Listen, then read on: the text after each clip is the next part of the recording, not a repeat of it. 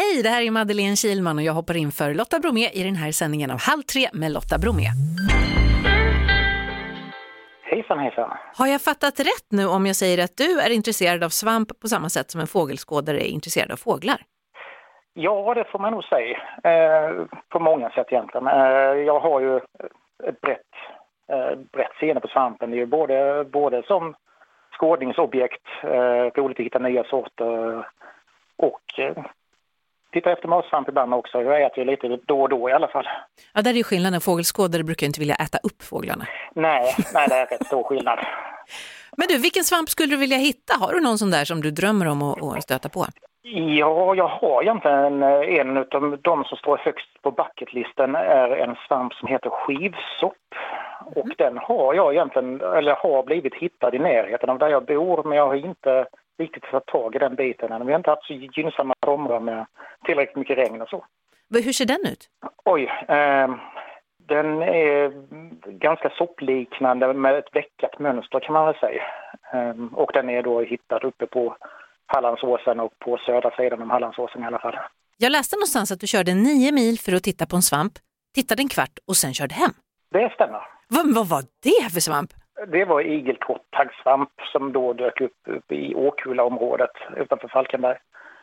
Eh, och igelkotttaggsvampen är en av Sveriges fem fridlysta arter. Så det var lite kul. Men vad känner du när du ser en sån här sällsynt svamp?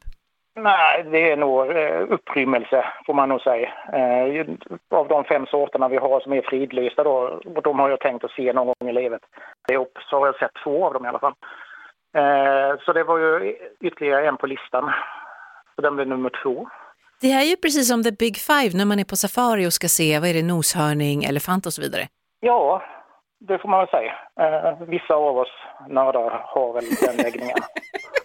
Men jag vet att du är på väg ut för att kolla på någon svamp nu. Ja, nu, idag är det faktiskt matsvamp då en tjejkompis som ska ut och jag vet inte om min fru hinner hem i tid för att följa med så det märker vi väl. Vad hoppas du hitta då? då?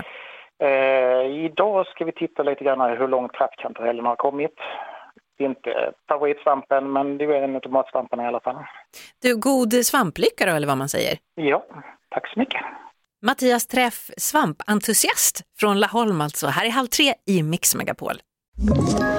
Ett poddtips från Podplay. I fallen jag aldrig glömmer djupdyker Hasse Aro i arbetet bakom några av Sveriges mest uppseendeväckande brottsutredningar. Går vi in med hemlig telefonavlyssning och, och då upplever vi att vi får en total förändring av hans beteende. Vad är det som händer nu? Vem är det som läcker? Och så säger han att jag är kriminell, jag har varit kriminell i hela mitt liv men att mörda ett barn, där går min gräns. Nya säsongen av Fallen jag aldrig glömmer på Podplay.